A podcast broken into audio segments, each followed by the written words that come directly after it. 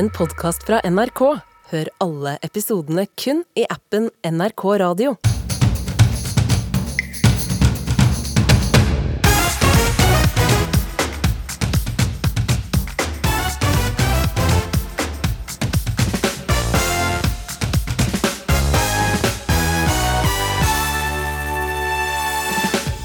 Det brøt nesten ut slåsskamp i Kongressen i USA i natt, før Kevin McCarthy vant ledervervet etter historiske 15 valgrunder. Vi skal straks til Washington. Og er det deiligere å være hvalross i Storbritannia enn i Norge? Europas første kjendisdyr i 2023 heter Thor, og han har ikke vært redd for å vise frem hvordan han koser seg. Det, det høres kanskje litt rart ut at en hvalross napper laks, men den får det altså til. Den har forbausende lange framloffer, så han når liksom ned. Ja, hvis du er tjukk nok, så kan du få en helt ny slankemedisin, som denne uka ble tilgjengelig i Norge etter å ha vært utsolgt i USA i lengre tid. Et gjennombrudd i fedmebehandlingen, sier noen. Ingen fix, sier andre. Vi tar debatten. I USA har Representantenes hus i natt endelig valgt republikaneren Kevin McCarthy som ny leder, men det satt langt inne. 15 valgomganger over fire dager, og så ble det altså endelig nok stemmer på McCarthy. USA-korrespondent eh, Tove Bjørgaas, det har vært en veldig dramatisk natt i Kongressen. Kan du fortelle hva som skjedde før det ble avgjort? Ja, klokka ti i i går kveld lokaltid her i USA så møttes kongressrepresentantene for å stemme en gang til, og da trodde McCartney han skulle vinne. Men så viste det seg at denne lille opprørsgruppa hadde laget et slags nesten litt sånn politisk teater.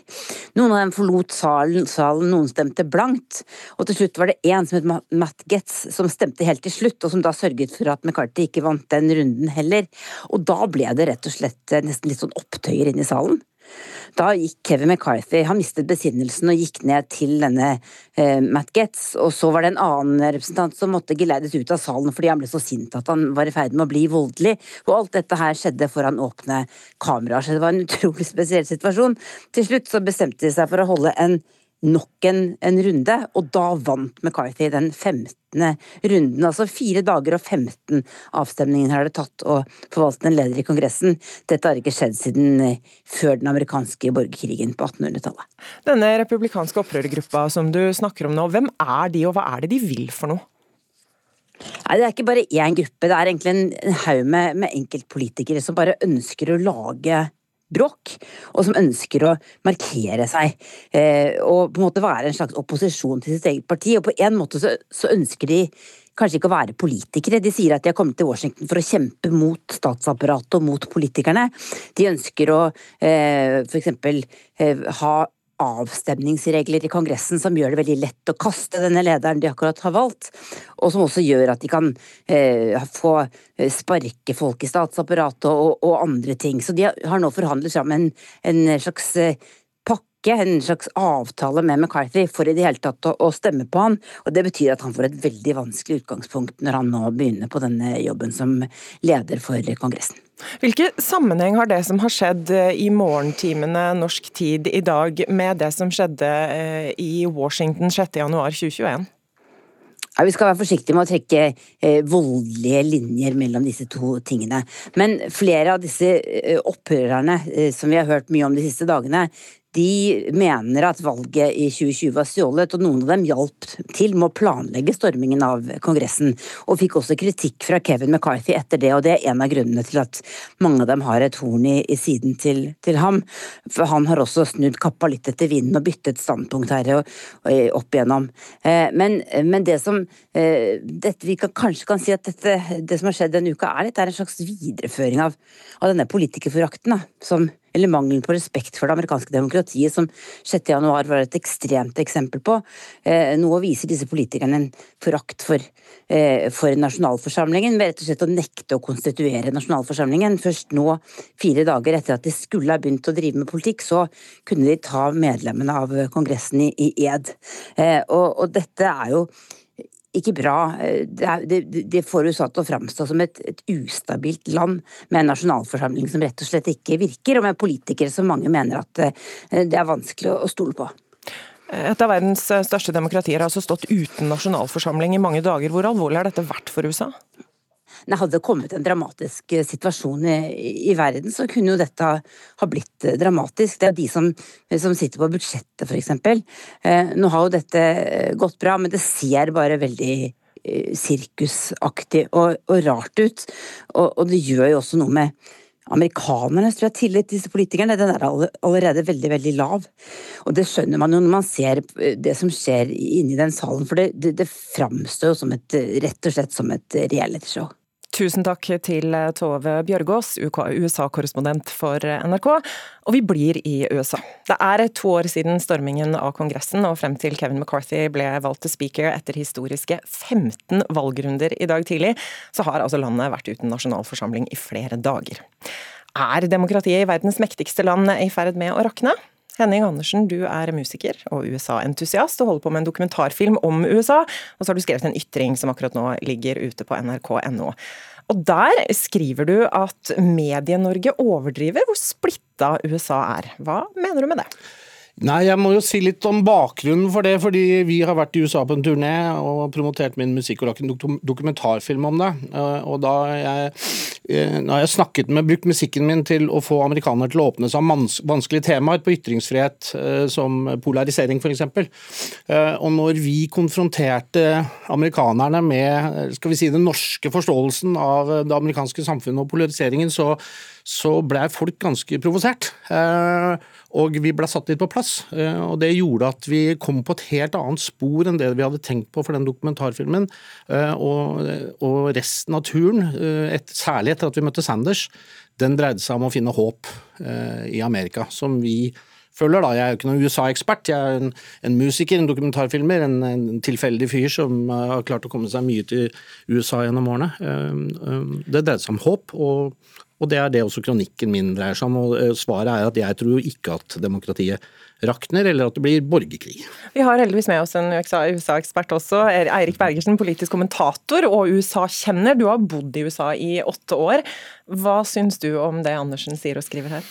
Ja, Det USA-ekspertbegrepet kan du begynne der, er jo litt omstridt. for Jeg sitter her som kommentator og sier både mine meninger, og så er det fullt uh, naturlig at andre har andre meninger. Men så er det jo uh, en gjeng, ganske mange heldigvis, da, som uh, har en type ekspertise da, på ulike felt. da, Som de har på en studert lenge.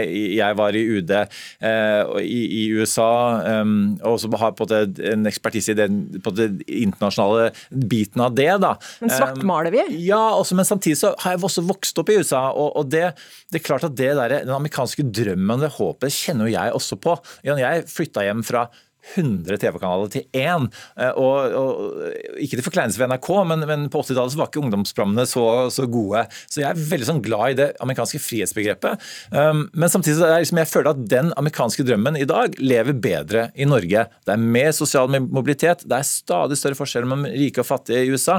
Og, og det, det, er jo en av grunnene til at Trump ble valgt. Det er nettopp den misnøyen som er hos folk, hvor de føler, og Trump sa det jo selv, eh, amerikanske drømmen er død. Ja, det er liksom jeg tror det er det som har kommet kommet til Norge, eh, og som har gjort at, at man frykter da, eh, at USA, som også som ledestjerne i verden, i en tid med stor eh, uro, det er krig i verden, og i Kongressen denne uka To, eh, to, år etter at Kongressen ble stormet av presidentens egne tilhengere, presidenten nektet for første gang i historien å, godta et valgnederlag, eh, så, så altså de slåss det, vi skal tilbake til borgerkrigen 1859 for å finne noe lignende, eh, og det er litt skummelt. Ja, det, ja men jeg tror, det, jeg tror, det, er, altså, med all respekt å melde, da, en, en feil eh, konklusjon. Fordi jeg ser, jeg ser det positivt. Eh, fordi vi må se det i sammenheng med mellomvalget i høst. Og, det, og dette, jeg, heller, altså jeg må understreke, jeg er ikke noen ekspert, men det som våre intervjuobjekter fortalte oss, da, og særlig Sanders, var at det valget gikk mye mye bedre enn de hadde fryktet. Eh, New York Times skrev at det var 100 kandidater som stilte til valg på Trumps da, kun da, på Trumps da, budskap om at 2020-valget var rigga. Ingen av dem vant. Og det er klart at, eh, at Selster, som, som, jo sier i USA at, at, det amerikanske demokratiet rakner og at det vil bli en ny borgerkrig, um, ville kanskje fått mer rett hvis de hadde kommet i posisjoner. For du kan tenke deg hvis disse hadde sittet i Kongressen.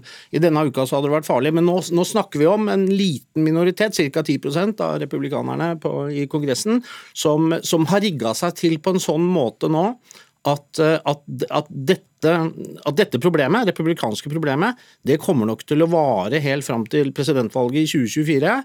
Og det valget Jeg tror de demokratiske valgkampstrategene smiler litt kynisk og lurt eh, nå, fordi at de kommer til å få eksponert denne galskapen. Den samme galskapen som Trumps kandidater viste, og som velgerne avviste. Hva tror du om det, Bergesen? Ja, altså, jeg, jeg, jeg, jeg, ser de poengene til Henning her, og jeg, tror det er, det er kjempeviktig å, å, få fram både den, den, folkelige misnøyen og den folkelige optimismen, eh, så, som jeg, tror kanskje at musikere kan være flinkere til å fange enn en disse ekspertene. og Thomas Seltzer vil være den første til å kalle meg for sånn her The Cathedral, altså de elfenbensakademikerne ja. eh, som driver og, og mestrer om maktbalanse i, i, Kongressen. Men du trenger litt ekspertise òg, fordi det, det, stemmer ikke, Henning, at, at ingen av de ble valgt inn.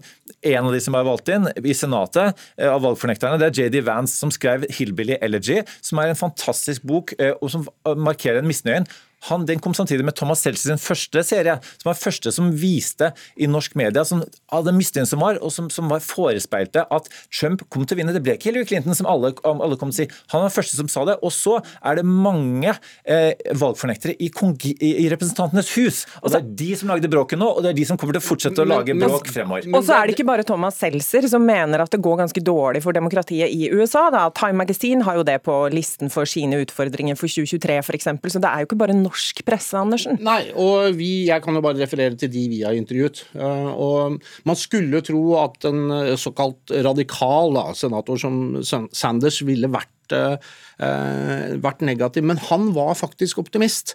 Eh, vi intervjuet eh, republikanske oljemagnater, rockestjerner, vi predikanter, og, og, alle sammen delte det håpet, og at, og at, sentimentet er på vei til å snu. Men det er jo klart, det kommer jo ikke til å snu over natten. Mange av disse, de fleste er jo valgt fra før, og sto jo ikke på valg nå. Og samtidig, jeg tror at det henger en svær Trump-ballong over, eh, over, Kongressen, men det er gått høl inn, eh, og det siver ut møkkete luft. Eh, og jeg tror at Trumps tid og hans galskapkandidater er forbi. Og min spådom, den er at vi vil få en tilbakegang til, eller en tilbakevending til et mer normalisert Amerika. Fordi jeg tror amerikanerne er lei av maset, de er lei av løgnene, og, og de er lei av Trump. Kort til slutt om det. Er amerikanerne lei av Trump, Bergesen? Altså, Trump leder meningsmålingene. Eh, dessverre. det Så enkelt eh, er det. Og, og, og, selv om Trump ikke engang er politiker, han er i Mar-a-Lago og langt unna, så, så, så, så, har han enorm innflytelse. og Det er jo trumpismen som lever videre. og Det, måte, det tror jeg vi, vi, har undervurdert. Dessverre så er jeg helt enig med Henning at, at det, det, er akkurat det man må slå hull på eh, for å komme tilbake med. Jeg bare tror også at, man, at det kommer til å ta litt tid. Da, for det, det, liksom, det, er 30 000 løgner som president. Det er, det er, man skal være forsiktig med det demokratibegrepet si at man undergraver demokratiet. Men jeg føler at nå er det såpass godt dokumentert eh, at, at det må vi dessverre si. Og så er håpet lever der hos norske USA-eksperter og hos amerikanere fortsatt, og det er jo en glede. Norske musikere. Og norske musikere. Det er håpløst, og vi gir oss ikke, som Jan Erik Vold eh, sa. Tusen takk for at dere kom til ukeslutt, Eirik Bergesen og Henning Andersen. Tar sats med å hoppe 134 meter ut. Ja, han får god kontakt med skia. Dette blir strålende! Han kommer til å vinne dette i går så ble det altså klart. Halvor Egne Granerud vant hoppuka 16 år etter at forrige nordmann vant. Og eh, Granerud, du er med oss fra flyplassen i München. Gratulerer! Tusen takk. Du, Har du rukket å lande etter seieren ennå, eller? Uh, ja, uh, jeg føler det. Uh, da er jeg veldig nysgjerrig på hvordan det ble feira i går. Ja, eh, jeg hører kanskje at stemmen er litt eh, litt redusert. Eh, men det var veldig god stemning på hotellet. Og ja, det var, det var en god fest, rett og slett. Det er godt å høre. Vi har inside information på at du måtte sove litt på bussen der, så det, det høres lovende ut i mine ører. Du håper ikke å henge høyt, og flere eksperter sier at dette her er større enn å vinne VM-gull. Hvor gjevt er det for deg? Uh, ja, jeg er enig i det, egentlig. Altså det, det, er større enn et VM-gull. Jeg føler det er på en måte OL og verdenscupen sammenlagt er, er, større for min del, på en måte. Men uh, det, er, det, er, over et VM-gull. Hvor lenge har du drømt om dette her, Og det er lenge. Altså, jeg tipper jeg begynte å drømme om det her eh, da når jeg så bildene av eh, Sven Hannevold som vant alle, alle renn i 2002. Eh, Da var jo jeg ja, fem. Ikke sant. Så i gode 21 år ca. Eh, blir det noe mer feiring i dag? Det er jo idrettsgalla på Lillehammer, jeg gjetter, nei, på Hamar. Jeg gjetter på at det skal være noe applaus for det der? Eh, ja, det kan være. Jeg skal ha NM på Rena i morgen. Eh, så det blir egentlig å komme seg, komme seg dit. Komme seg til Rena. Vi jeg kommer ganske seint hjem, så det, eller kommer ganske seint til Norge. Så det, det, det, blir ikke noe mer feiring i dag. Eh, så ruller jo bare sesongen videre, da. Det prøvde å blåse ut, eh, blåse ut så mye som mulig i går, og så sånn at jeg er klar til å fortsette på resten av sesongen allerede i, i dag. Ja, Det høres veldig veldig bra ut. Halvor Egne Granerød, som også vant hoppuka i går, 16 år etter at forrige nordmann vant. Lykke til på Rena i morgen. Tusen takk for at du var med i Ukeslutt. Hva hadde du gjort om du hadde fått den der magiske telefonen fra Hamar og Norsk Tipping? Ingrid Karoline Karlsen har tatt turen ut på gata for å drømme litt i selskap med folk. Fire millioner.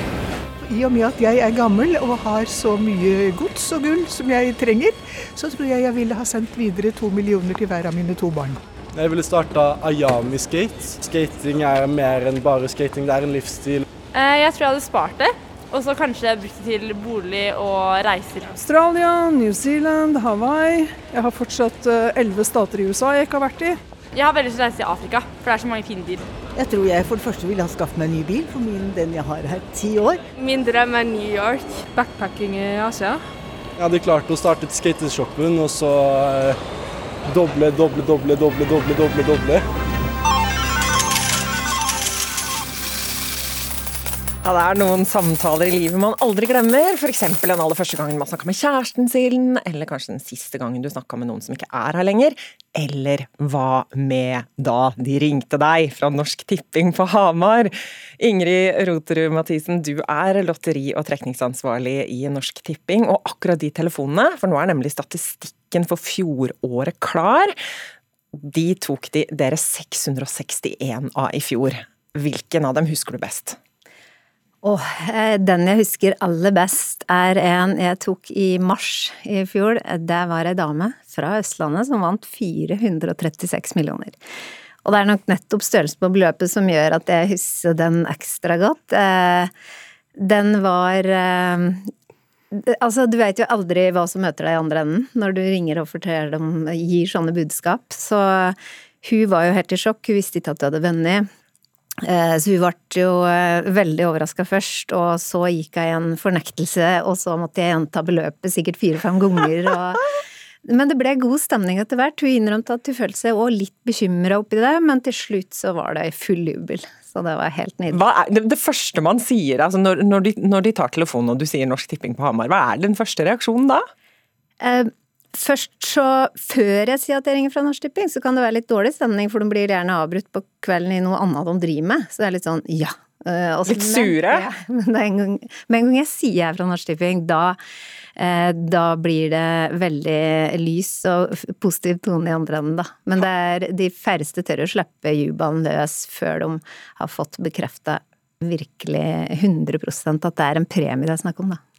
Anette Sjøli, du er en av dem som har vært så heldig å få en av disse svært ettertraktede telefonene. Det må du nesten fortelle om. Ja, jeg kan jo Jeg kjenner meg nede i beskriver, Ingrid. Når telefonen fra Hamar kom, så kjente jeg nummeret. For Norsk Tipping hadde hatt en kampanje tidligere som heter Bli vekt av Norsk Tipping. Så når den telefonen kom, så kjente jeg nummeret. Så jeg bare tok telefonen, så sa jeg hallo. Og i andre enden så sa de ikke at jeg er fra Norsk Tipping, de sa veit du hvem det er? Oh, ja. Og jeg sa ja, det veit jeg, men hvis du tuller nå, da blir det bråk. Jeg var veldig stille, og det er som du beskriver, Ingrid. Jeg trodde ikke helt på det før at jeg fikk eh, en bekreftelse på hva er det som skjer nå. Det er ikke lov å tulle med det her lenger, dere gjør ikke det? Nei, det skal jeg love deg at vi ikke gjør. Ja. Nei, så det var eh, Det var eh, det var eh, en veldig spesiell følelse når han ikke sa noen ting før at jeg hadde funnet fram et spillnummer som jeg hadde på en app. Så du kan si at jeg skalv veldig mye på handa for jeg tenkte at hvis jeg bryter denne samtalen nå, så har den aldri funnet sted. Nei, du fikk panikk for det. Hva brukte du pengene på? Hvor mye vant du, hvor mye brukte du pengene? Hva brukte ja, du på, Anette? Det, det, jeg hørte på disse på gata, og jeg kjenner meg litt igjen i det. Og det er jo, jeg hadde jo satt meg litt i gjeld mer enn jeg satt pris på i forbindelse med et huskjøp, så jeg, det var jo betale gjeld. En veldig kjedelig forklaring, så jeg måtte jo gjøre noe ufornuftig òg, i tillegg. Men uh, jeg brukte penga Jeg ga bort mye. Jeg ga bort litt over en million av det jeg vant, til barn og familie. Eh, og det har betydd mye for meg.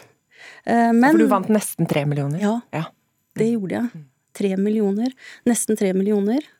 Og så, så jeg ga bort mye av det. Og eh, det var til ungene mine som skulle komme seg inn på boligmarkedet, blant annet. Noe som jeg ellers aldri kunne gjort.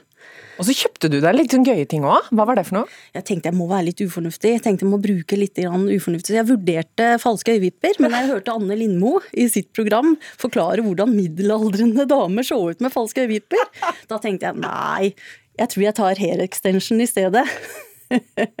så da blei det det. Og så ble det noe annet da du kjøpte jaktvåpen? Ja.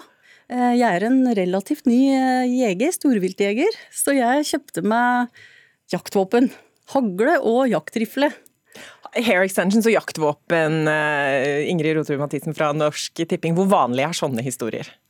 Akkurat den har jeg aldri hørt, men, eh, men, eh, det er ofte at de som vinner har et behov for å bare gjøre noe ganske umiddelbart etter de vinner, som er litt sånn som de aldri har kunnet gjort før. Og da har jeg hørt om folk som faktisk har kjøpt skjøte til tomt på månen. Eh, vi har eh, ens kjøpt et kunstverk av kong Harald, litt sånn på sparket. Men ellers er det jo sånn eh, å unne seg en dyr middag dyrere enn du vanligvis kunne hatt råd til, eller den dyreste champagnen på polet. Det er litt sånne ting, da, som folk gjør umiddelbart. For du har ikke bare tatt disse telefonsamtalene, du har også vært med på noen som har ringt videre for å fortelle at de har vunnet til noen de er glad i. Hvordan har det vært? Ja, Det er noe av det aller morsomste, når du virkelig får ta del i den videre historien, da. Fordi det stopper jo gjerne når vi har gratulert og, og sagt ha det bra, men ofte er det noen i andre enden som har flere de skal dele med. Eh, blant annet en mann som skulle dele med kona si, og så spurte jeg kan jeg få være med på det. Og så fikk jeg være med da på høyttaler, og det er jo bare sånn det da er i den stua og står i sofaen og hopper sammen med dem når det, de viderebringer budskapet, da. Nei, så det er eh, mye følelser, og det er eh, det nærmeste vi som eh, jobber på Norsk Tipping og drømmer om å vinne, det nærmeste vi kommer, er i hvert fall å formidle dette budskapet, da, og det er fantastisk artig. Og hvilke ting er det folk har brukt pengene på i året som har gått av de 661 vinnerne? Der er det jo veldig mye fornuftige folk. De fleste har noen fantasier om hvis jeg vinner en gang, da skal jeg, og det er både å slutte å jobbe, og det er de eh, mye store greier, men når det kommer til stykket, er, starter de i det fornuftige hjørnet. Det er som eh, Anette har gjort, å betale ned på lån, det er eh, sparing, og det er mange som deler raust. Kommer sjølsagt litt an på hvor mye du vinner. Eh, men det med bil, eh, mange som unner seg en ny bil, og, og ferie. Eh, absolutt det vanligste, da. Men det er altså lov å kjøpe både hair extensions og jaktvåpen hvis du er så heldig å vinne i kveld. Lykke til til alle som har gått for det, og tusen takk for at dere kom til Ukeslutt.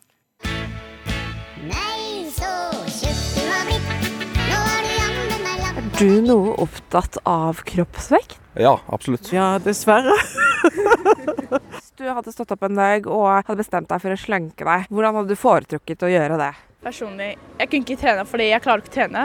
Det er noe psykisk inni hjernen min som sier at jeg klarer ikke det. Det er enklere for meg å kutte ut mat. Jeg har prøvd så utrolig mye at uh, det måtte jo vært en vidunderkur. Uh, eller uh, rett og slett en masse vilje. Så jeg kom dalende ned så det varer lenger enn til lunsj på mandag. I Norge så er det godkjent en sånn slankepille. Hadde du erstattet den slankepillen med treninga? Jeg tror ikke en pille kan eh, gjøre deg slank ja, uten videre. Og I kombinasjon av å legge om kosten og se noen positive resultater litt fort, det tror jeg kan være effektivt og smart. Jeg tror ikke på sånne ting. Jeg tror ikke det er ekte. Er det ekte?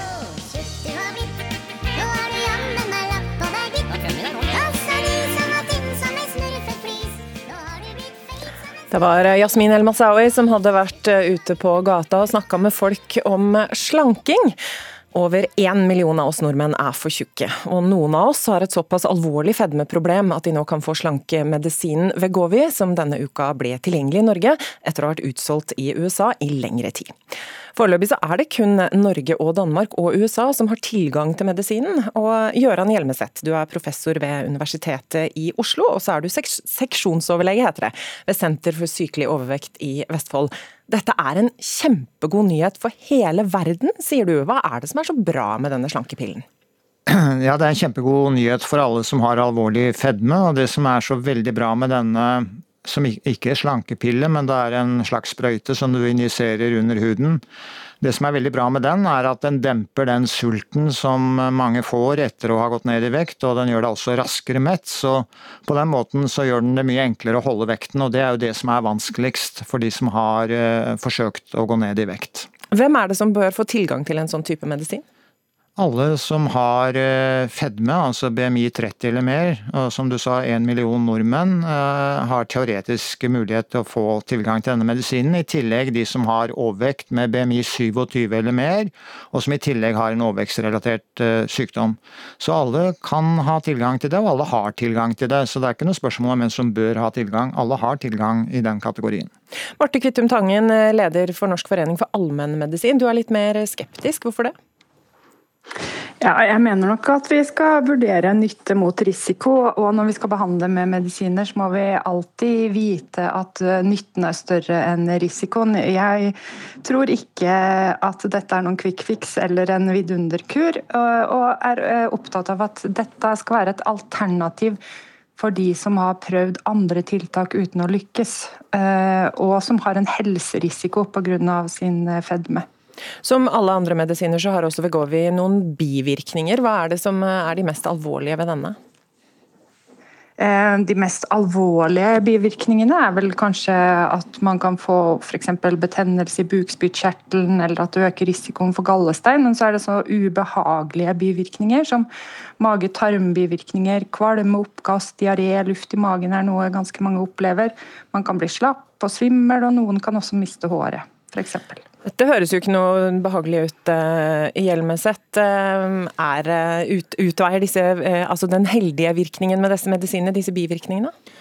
Eh, ja, absolutt. Fordi bivirkningene heldigvis, eh, eh, dette med kvalme, oppkast og mage-tarmproblemer, de blir som regel mindre uttalte, og mange blir helt borte underveis. Men det er jo en del av virkningsmekanismen òg. Men jeg er jo helt enig i at det er en kost-nytte-vurdering her. og Hvis ikke det hadde vært gjort en kost-nytte-vurdering, så hadde den jo ikke blitt akseptert. Den er jo godkjent for behandling av denne pasientgruppen vi snakker om, eller den delen av befolkningen. Så der er det jo gjort en kost-nytte-beregning, ellers hadde den aldri vært godkjent. Så disse bivirkningene de er ofte tilbakegående. Og det er ingen mirakelkur, det er jeg også helt enig i. Og det er klart at man skal ha prøvd alt annet først. Men vi får henvist eh, nærmere 2000 nye pasienter med sykelig overvekt til vårt senter i Tønsberg årlig til behandling. Og for mange av disse så dette en, vil dette være en veldig god hjelp. Problemet er at medisinen er veldig dyr, den koster 100 kroner dagen, og foreløpig så er det ikke noe mulighet til å få den på blå resept. Hva er det som er galt med den fedmebehandlingen vi har i Norge i dag, sånn som du ser det? Eh, den fedmebehandlingen er det ikke noe galt med, men hvis man har såpass alvorlig problem som sykelig overvekt, så har vi til nå kun uh, hatt uh, vektreduserende kirurgi å forholde oss til. og Det kan gi enda mer alvorlige bivirkninger, og det må man tenke seg enda nøyere om før man velger. Så dette er et godt alternativ til de som ikke i første omgang trenger å prøve vektreduserende kirurgi. Så, så all vektreduserende behandling har hatt det problemet med at vektreduksjon gir en stor grad av sult og liten grad av metthet. og Derfor så har det vært et stort behov, og vi har ventet lenge på noe som virkelig kan dempe det problemet og gjøre at vekten holder seg over lang tid. Og Dette nye medikamentet Vegovi det har eh, til nå dokumentert effekt over minst to år. Eh, og over halvparten har mer enn 15% vektreduksjon, og det er en vektreduksjon som mange med sykelig overvekt trenger.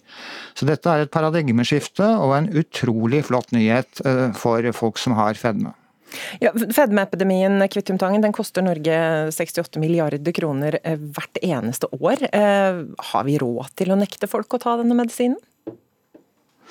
Eh, jeg sier på ingen måte at vi skal nekte folk å ta den medisinen. Jeg tror egentlig at jeg og Hjelmeset er ganske enige her, men jeg er bare opptatt av å si at vi må se på eh, andre alternativer først. Eh, og vi må fortsette å ha eh, oppmerksomhet på gode samfunnstiltak, som at det skal være billig med sunn mat, og at man skal tilrettelegge for fysisk eh, aktivitet. Og vi må ha en forståelse for at overvekt og fedme er komplisert, og at det har sammensatte årsaker. Og disse medisinene gjør jo ingenting med årsaken til verken overvekt eller fedme. Jeg syns ikke at vi kan si at én million nordmenn nå skal begynne å bruke disse sprøytene, men jeg er helt enig i at det kan være et godt alternativ for noen pasienter. Hva er det som skjer hvis man slutter å bruke Vegovi etter at man har begynt? Da går, da går, man opp i vekt igjen. så Det er også vist i studier. Så denne effekten, altså en medisin, det er akkurat som blodtrykksmedisin. Eh, dersom du slutter å ta blodtrykksmedisin, så stiger blodtrykket. Og dersom du slutter å ta den medisinen som demper sulten, Eh, og gjør deg mer mett, så blir du mer sulten og mindre mett, og da går vekten fort opp igjen. Så dersom man begynner med denne medisinen, så må man egentlig være forberedt på at det kan være behov for det i mange år, og da livslangt, for fedme er en kronisk sykdom. Og da må man endre livsstil uansett? Ja, livsstilen må endres. Hvis du tar medisinen og ikke endrer livsstilen, da går du ikke ned i vekt. Nå har du eh, leder for eh, Norsk forening for allmennmedisin her, eh, Gøran Hjelmeset. Hvordan ønsker du at legene skal behandle fedme på en annen måte enn det de gjør i dag? Nei, jeg syns at, som det ble sagt, at vi er ganske enige. At en forutsetning for all vektreduksjon og god behandling av pasienter med fedme er livsstilsendringer, og da først og fremst at man får råd om hvordan spise mindre. Eh, men dernest, for alle de som ikke får det til med kun dette rådet, så kan de trenge hjelp. Og de bør både fastleger og spesialister kunne tilby en ny vektreduserende medisin, men som dessverre da koster så mye nå, nemlig 100 kroner dagen, at de fleste som trenger denne medisinen ikke har råd til den. Vi lar det bli siste ord. Vi tusen takk til deg, Gøran Hjelmeset, professor ved Universitetet i Oslo og seksjonsoverlege ved Senter for sykelig overvekt i Vestfold, og Marte Kvittum Tangen, som også er leder for Norsk forening for allmennmedisin. I dag så kjemper altså verdens beste langrennsløpere om etappeseier i Tour de Ski. Men hvem er det egentlig som bryr seg? Ikke mange, mener langrennsløper og skikommentator i TV 2, Petter Soleng Skinstad. Han har skrevet en kronikk som han kaller Tour de Kjip. Og langrennslegende Petter Northug har lagt ut en tweet hvor han kaller konkurransen Tor de Snork. Ingen av de er i studio i dag, men vi har med oss eh, Leif Welhaven, sportskommentator i VG, og Esten Osete, sportskommentator i Dagbladet. Vi begynner med deg, da. Welhaven. Har de et poeng med Tour de Ski og Tour de Snork? De er veldig spissformulerte, og jeg tror ikke jeg vil gå like langt som, eh, som de gjør. Men hvis jeg sammenligner altså Dette er jo ikke vitenskap, men hvis jeg sammenligner eh, i hvert fall inntrykket mitt av Tour de Ski nå sammenholdt med hvordan det var i de første årene, så klarer jeg ikke helt å få fram den samme entusiasmen rundt, rundt produktet. Det kan skyldes at nå har vi sett folk gå opp en slalåmbakke veldig mange ganger, at nyhetens interesse rundt toren som konsept kanskje er blitt uh, noe annet. Men jeg syns de har noen poenger som i, fall, som i, hvert fall, er verdt å diskutere rundt rammer og struktur og opplegg, og om det er måter man kan gjøre showverdien og attraktiviteten rundt Tour de Ski større enn den er i dag. Setter, hva tenker du om å kalle denne konkurransen for Tour de Ski på Tour de Snork? Er, det er ikke tida for å gjøre det, det er det jeg er mest opptatt av. Altså, Langrenn er en bitte liten idrett. Og nå er denne bitte lille idretten, som er jo vår idrett, vi er de desidert eh, mest ivrige på denne sporten, nå er denne idretten under voldsomt press. Det er to forhold. Det ene er at eh, det andre store landet, Russland, ønsker at det skal gå aldeles elendig med internasjonalt langrenn fordi de er utestengt. Og så er det det at eh, det ikke er noe særlig snø. Det er jo litt, litt, spesielt å si det i det øyeblikket det er lavet ned over store deler av landet, men det er faktisk en klimakrise som rammer denne sporten veldig, veldig hardt. Og hvis vi fokuserer for mye på småting, for dette er jo bare småting, altså hvordan, eh, hvordan en konkurranse skal organiseres for å for å nå publikum, så tror jeg at vi misser veldig mye. Spesielt hvis vi er ute etter å nå det norske publikummet. Her i Oslo så er det jo kø i dag for å komme ut og gå på ski. I Norge er folk fortsatt veldig, veldig glad i å gå på ski, men slik er det ikke i resten av verden. Og da gjelder det for oss å høre på hva utlendingene syns om produktet. Er du for lite patriotisk, Welhaven? Nei, jeg mener, at det ikke er, jeg mener at det ligger en konstruktivitet i å ønske å gjøre et uh, produkt mer attraktivt. og Vi kan gjerne diskutere detaljene i her, men for eksempel så, uh, så syns jeg at det var ikke, ikke hvert år, for det avhenger av hvordan rekkefølgen og sånn er, men jeg har mer sans for at når du først skal ha dette opp alpinbakke-konseptet, at det er førstemann opp alpinbakken så, som vinner, f.eks. Jeg syns det hadde vært fornuftig å starte turen tidligere, altså i romjula, istedenfor å starte den på nyåret, gitt opp når folk har tid til uh, å se på dette her. Jeg er ikke sikker på om en sånn langdrygg prolog er, er, er, det letteste, f.eks. Uh, er det lurest å starte med? Så kan man diskutere om du skal ha bonussekunder her og der, og det er fordeler og ulemper og argumenter i i ulike, i ulike, retninger. Men jeg oppfatter at både Petter Skinstad og Petter Northug har et, altså et, genuint eh, ønske om å gjøre dette mer attraktivt. For altså, Esten har jo helt rett i at langrenn er under kjempepress, og selv her altså i, hvor, vi, hvor, det er kjempepopulært, så skiller jo faktisk Norges Skiforbund seg ut markant i negativ retning sammenholdt med andre særforbund når det gjelder medlemsutviklingen. Så, så, så selv om ski, ski, fortsatt er veldig, veldig populært, så er det en viss grad av press også her. Så jeg tror at alle som er, som er glad i skisport generelt og langrenn spesielt, vil ha en interesse av at, av at interessen øker. og Da tror jeg at det er lurt å analysere liksom, hva vi kan gjøre med et produkt som Tour de Ski for å gjøre det mer publikumsvennlig. Ja, Er det ikke fornuftig å lytte til en entertainer som Northug for å få opp opp eh, seertallene og interessen, setter. Jo, men han er vel først og fremst vår entertainer. altså Han er et stort navn i internasjonal langrenn. Men jeg syns det er mye mer interessant å høre hva de andre nasjonene hva de syns om denne konkurransen. Altså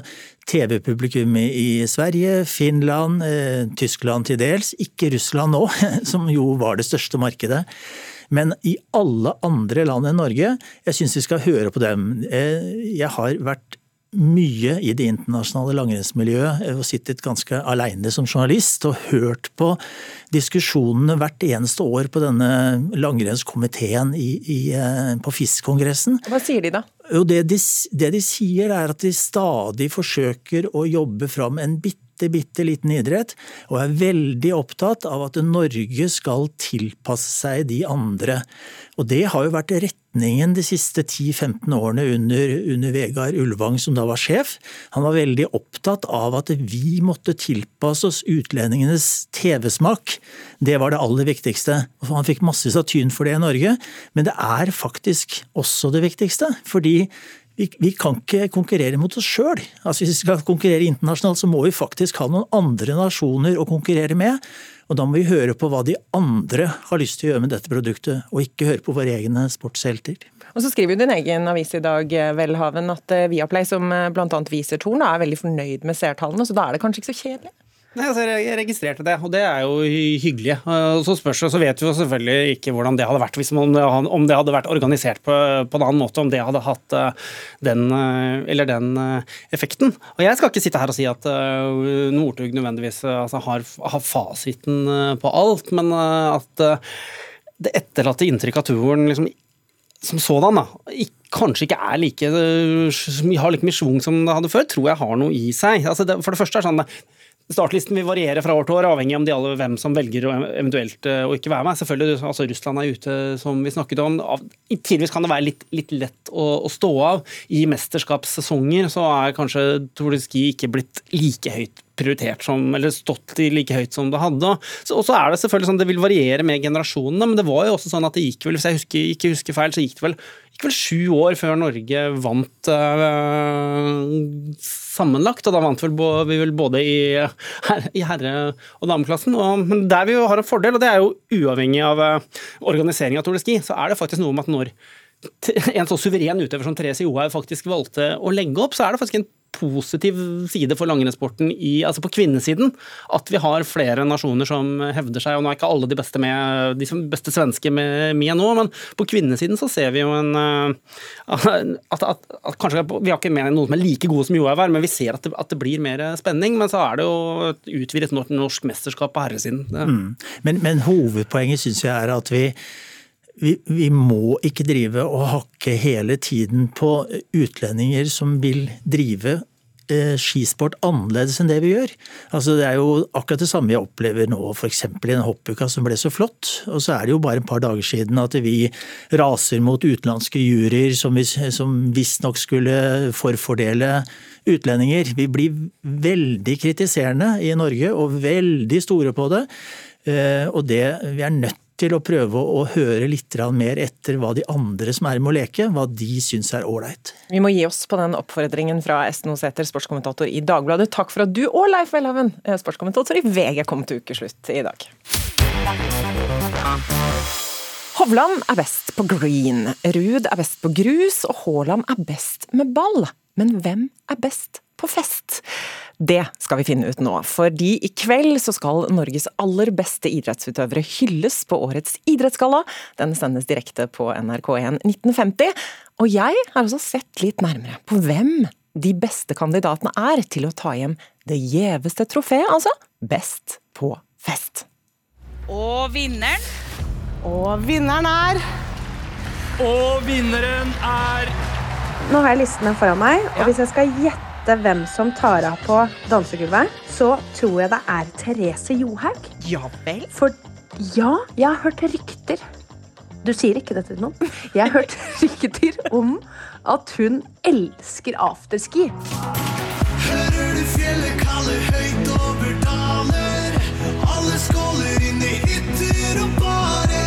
Hun er en av de beste gjennom alle tider og vinner bortimot med to minutter fullstendig overlegen. Vi tar en pinne for Hemsedal, pinne for Trysil For, tenk for en afterski det blir for Therese Johaug. For skifest betyr tid for fylla Oh, oh la la NRKs Pia Rivelstrud er vorspielansvarlig når Idrettsgallaen går på TV i kveld. Hun har full oversikt over gjestelistene, og over hvem som kan tenkes å være best på fest. Hvis jeg skulle invitert til vorspiel, så hadde jeg definitivt tatt sandvolleyballduoen eh, Anders Mol og Christian Sørom. Altså, nummer én eh, De er eh, høye, pene, kjekke. Eh, de er to, så du, du liksom, da har du i hvert fall to med deg på det vorspielet. Eh, og så er de veldig gode. Eh, og hvis du f.eks. skal spille beer pong, så kommer de til å være helt rå, for de er ganske treffsikre. ikke sant? Stolt av det vi klarer å prestere her nå. Ja, vi lå og sov, fikk oss litt mat, jeg ble vekka, og så var det 40 minutter til kamp. Så jeg ville definitivt invitert med meg de to. Hvis jeg fikk lov av eh, mannen min, da. Og så har han en helt egen evne til å gå ut av svingene, og da får han ti meter ut av ingenting. Veldig mange av de langrennsløperne som er gode nok til å få en pris, eller bli nominert, eller bli invitert, men de er jo i Tour de Ski, så de sitter jo nå nede i Oberstdorf øh, øh, og ser ut på grønne grøssletter og drikker vann og, og deltar digitalt på, på denne øh, tilstelninga. Så de er ikke med på festen. Øystein Pølstad Pettersen skal ikke på årets galla. Men dersom han hadde blitt invitert, så er det ikke egne kolleger det frister mest å feste sammen med. så tror jeg jeg ville hilst høflig på gamle kollegaer i langrennsleiren. Og så ville jeg noe gått rolig forbi. da, Så ville jeg sett dere til et sånt lite sånn Kanskje liksom, Hvis jeg hadde sett Jim Martinsen, liksom. Da tror jeg jeg hadde satt meg ved siden av Jim Martinsen. Og hvis Pål Trulsen sitter der, så tror jeg det kunne altså, Sol, Henning Solberg, tror du ikke han hadde vært artig? Ja? Det er jo en stund siden jeg har sittet i en sånn verstingbil, så nå kjører jeg den største klassen, så det blir spennende.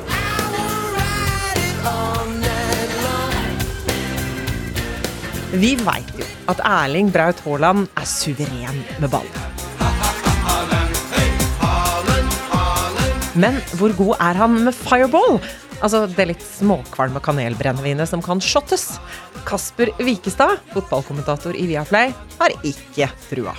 Så tror jeg han blir kanskje den kjedeligste av dem alle på, på, på festen. Vi så jo eh, Han hadde jo en lagkamerat, Calvin Phillips, som var i eh, VM. Og, og første da Pep Guardiola, Manchester City-manageren, sier faktisk på pressekonferansen, var at eh, Phillips kom tilbake og var overvektig eh, og kunne ikke være i, eh, i troppen. Så, så såpass nådeløst er det. Jeg tipper Phillips ikke var bedre enn Det var nok ikke synlig, for å si det sånn. Det var nok snakk om gram heller enn kilo.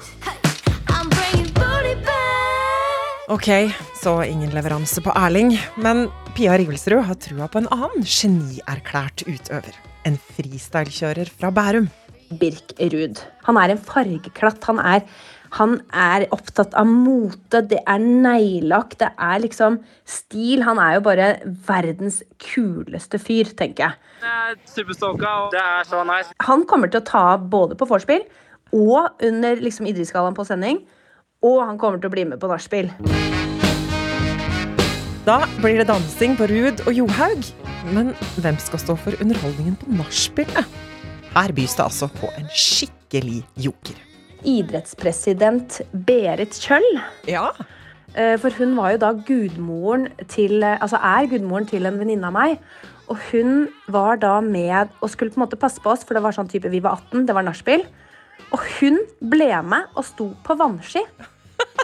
Midt på natta! Hvalrossen Thor har blitt litt av en kjendis. Han er på rundreise i Europa og valgte å feire nyttårsaften i en engelsk by, hvor de til og med avlyste fyrverkeriet for ikke stresse den store hvalrossen. Overalt hvor han velger å gå i land, så blir det stor oppstandelse og hundrevis av skuelystne. For det gjør noe med oss når dyr dukker opp der vi ikke er vant til å se dem. Come on. What a good boy. Hvalrossen som har fått navnet Thor, åler seg ned mot vannet i en engelsk kystby, mens folk har samla seg for å se på byens nye kjendis.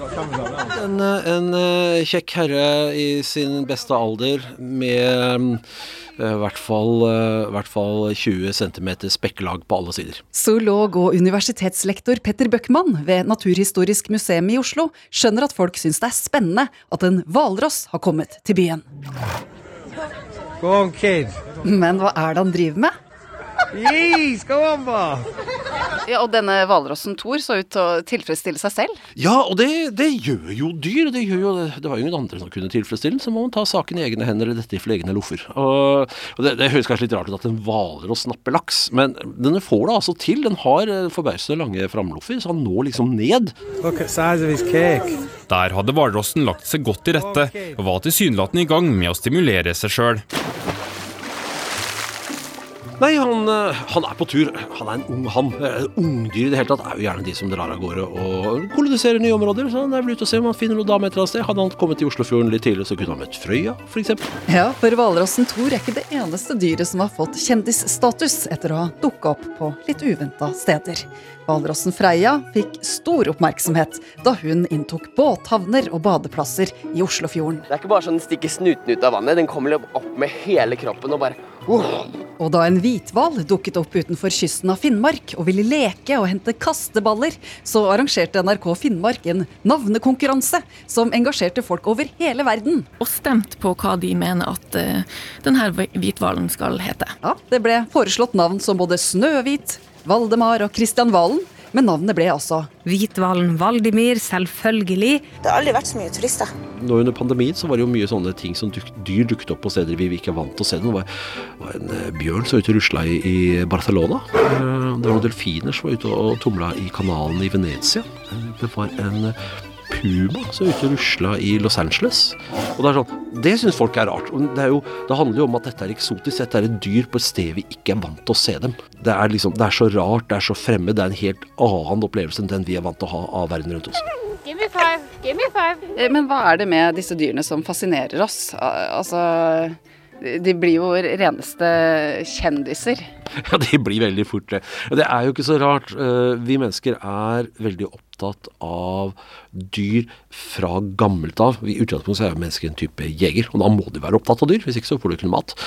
Og så er vi veldig sånn intellektuelle. Vi liker å bli sett. Og én ting er å se hva andre dyr gjør, men vi vil også at andre skal se oss, inkludert dyrene.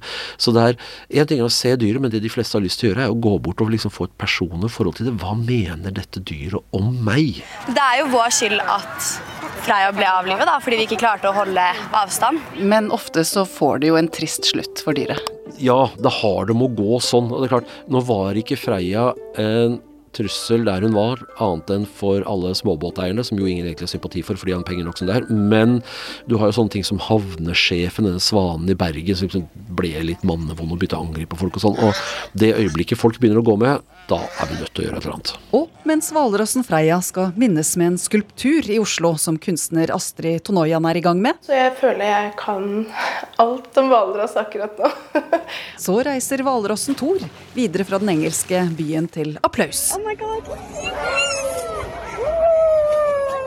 Kanskje på jakt etter hvalrassen i sitt liv. Men zoolog Bøckmann minner om at det er lurt for mennesker å holde god avstand. Uh, det hender han tar selunger og sånn, uh, og da suger han bare kjøttet av knoklene. Så ikke sånn, ikke svøm med en hvalross.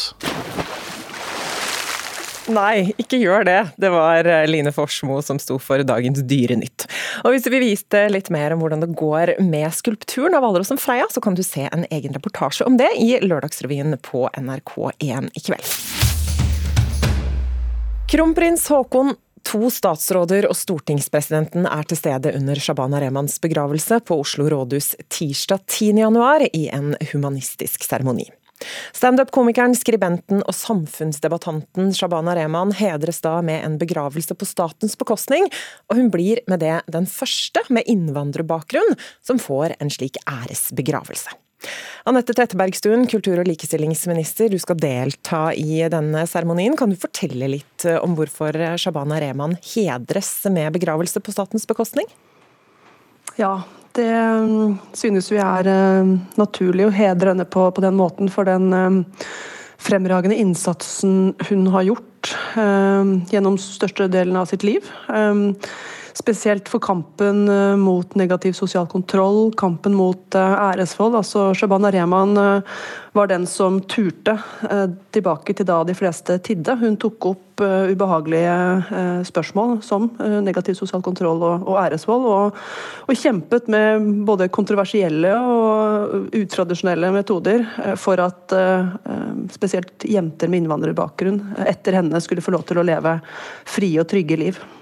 Det å få en begravelse på statens bekostning, hva innebærer det? Ja, det innebærer jo da at, at staten tar, tar regninga for begravelsen, og at det er statlig deltakelse i begravelsen. Og Hvordan bestemmer dere dere for hvem som skal få noe sånt? Det er ikke faste regler for hvem som skal begraves på statens bekostning det gis til personer som har gjort en fremragende og helt særskilt innsats for, for, landet eller for det norske samfunnet.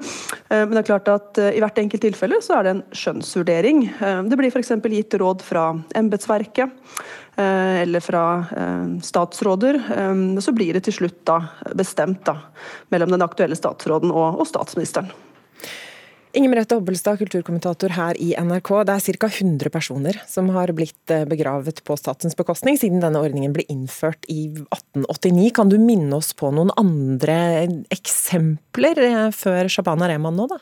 Ja, altså Først kan vi gå helt tilbake til 1881 og den første begravelsen på, på, statens bekostning, for den sier litt om hva slags ordning dette er. da.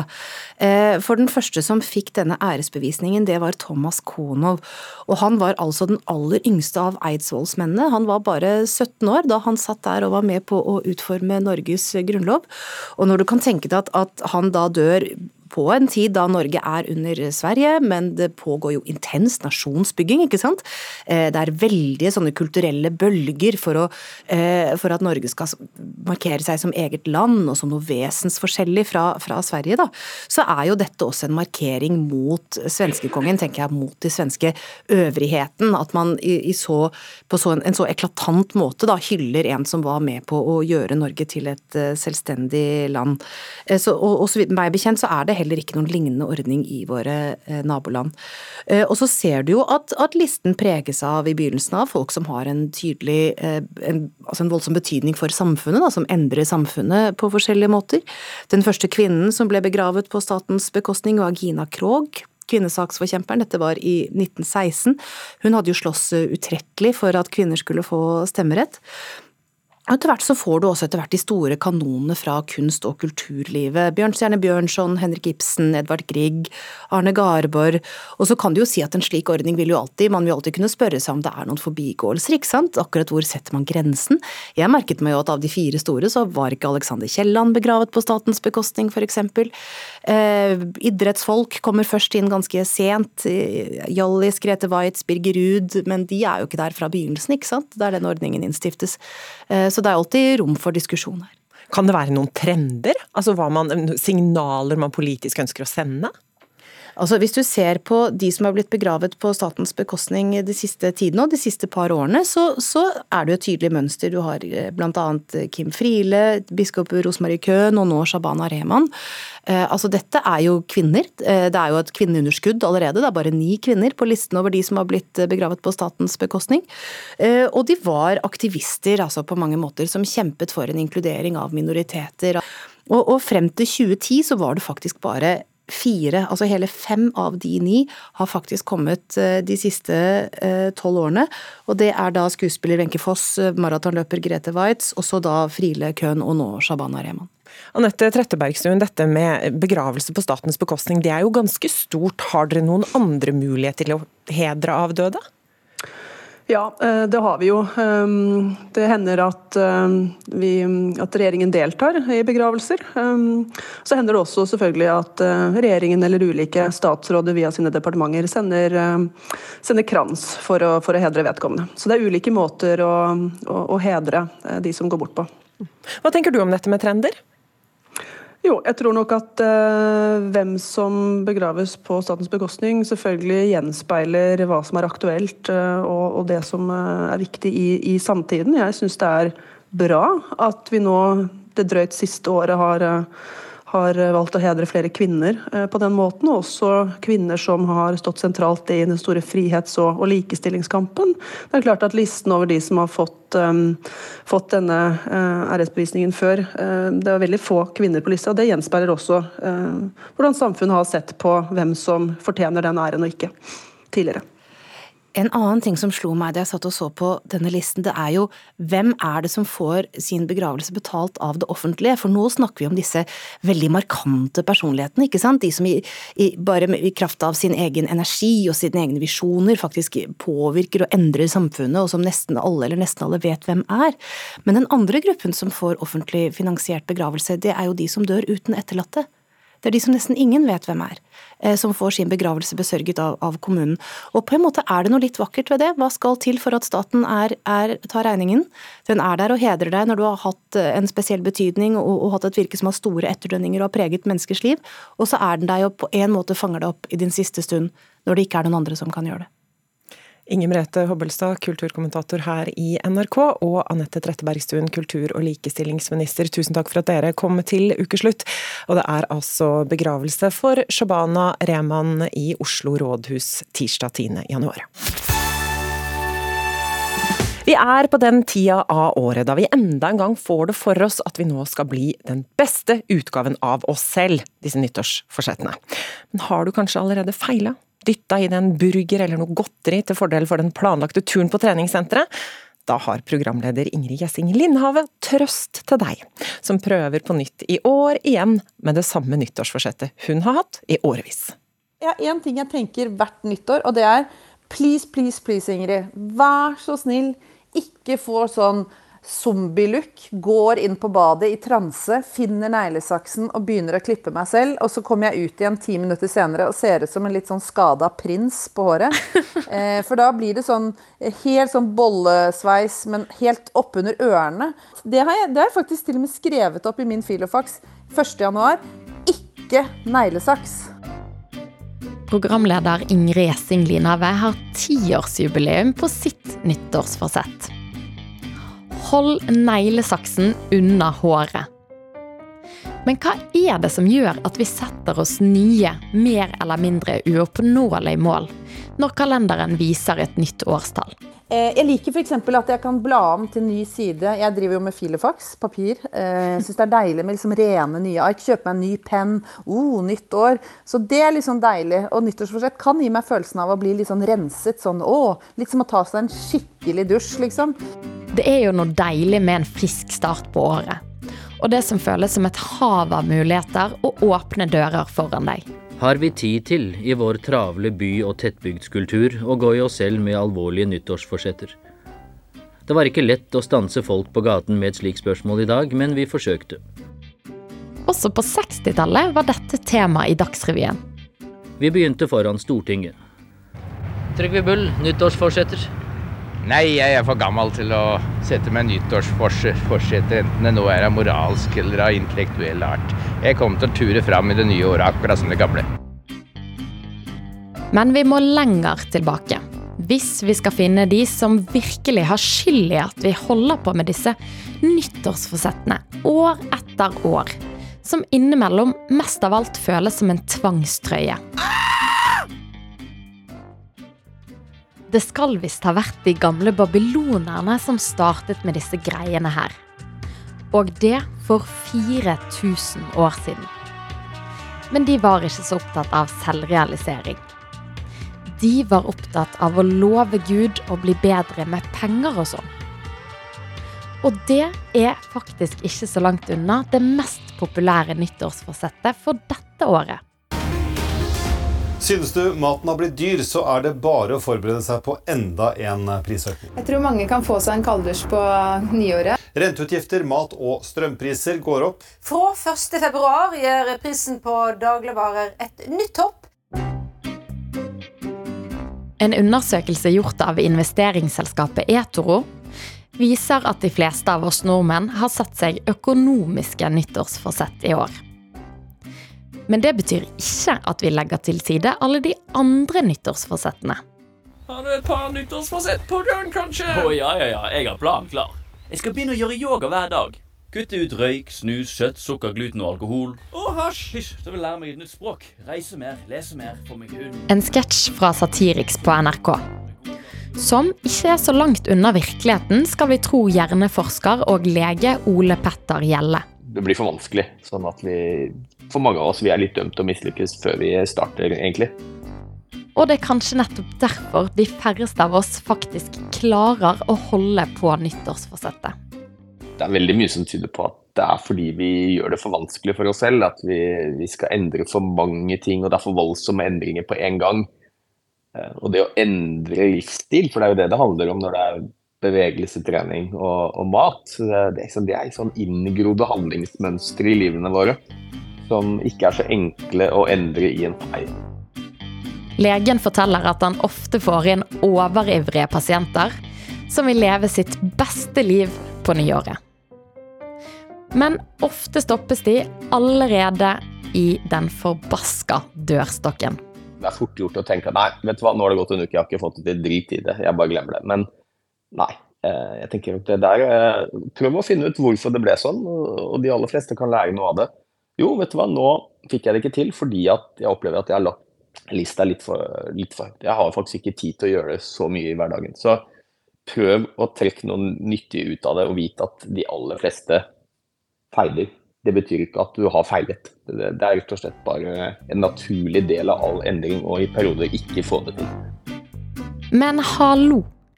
Hvorfor vil vi oss selv så innmari vondt? Trenger vi alle disse uoppnåelige målene som bare leder til skuffelse? Ja, jeg har nyttårsforsett og forsett og forsett. Må vi bli en mer aktiv og sporty 2.0-utgave av oss selv? Bare trøkke i oss brokkoli? Nei, ikke hvis du spør Ingrid Gjessing Linhave i hvert fall. Jeg liker ikke den sjangeren vi alltid henger oss opp i. Jeg skulle ønske at folk kanskje heller tenkte jeg skal bli mindre rasshøl.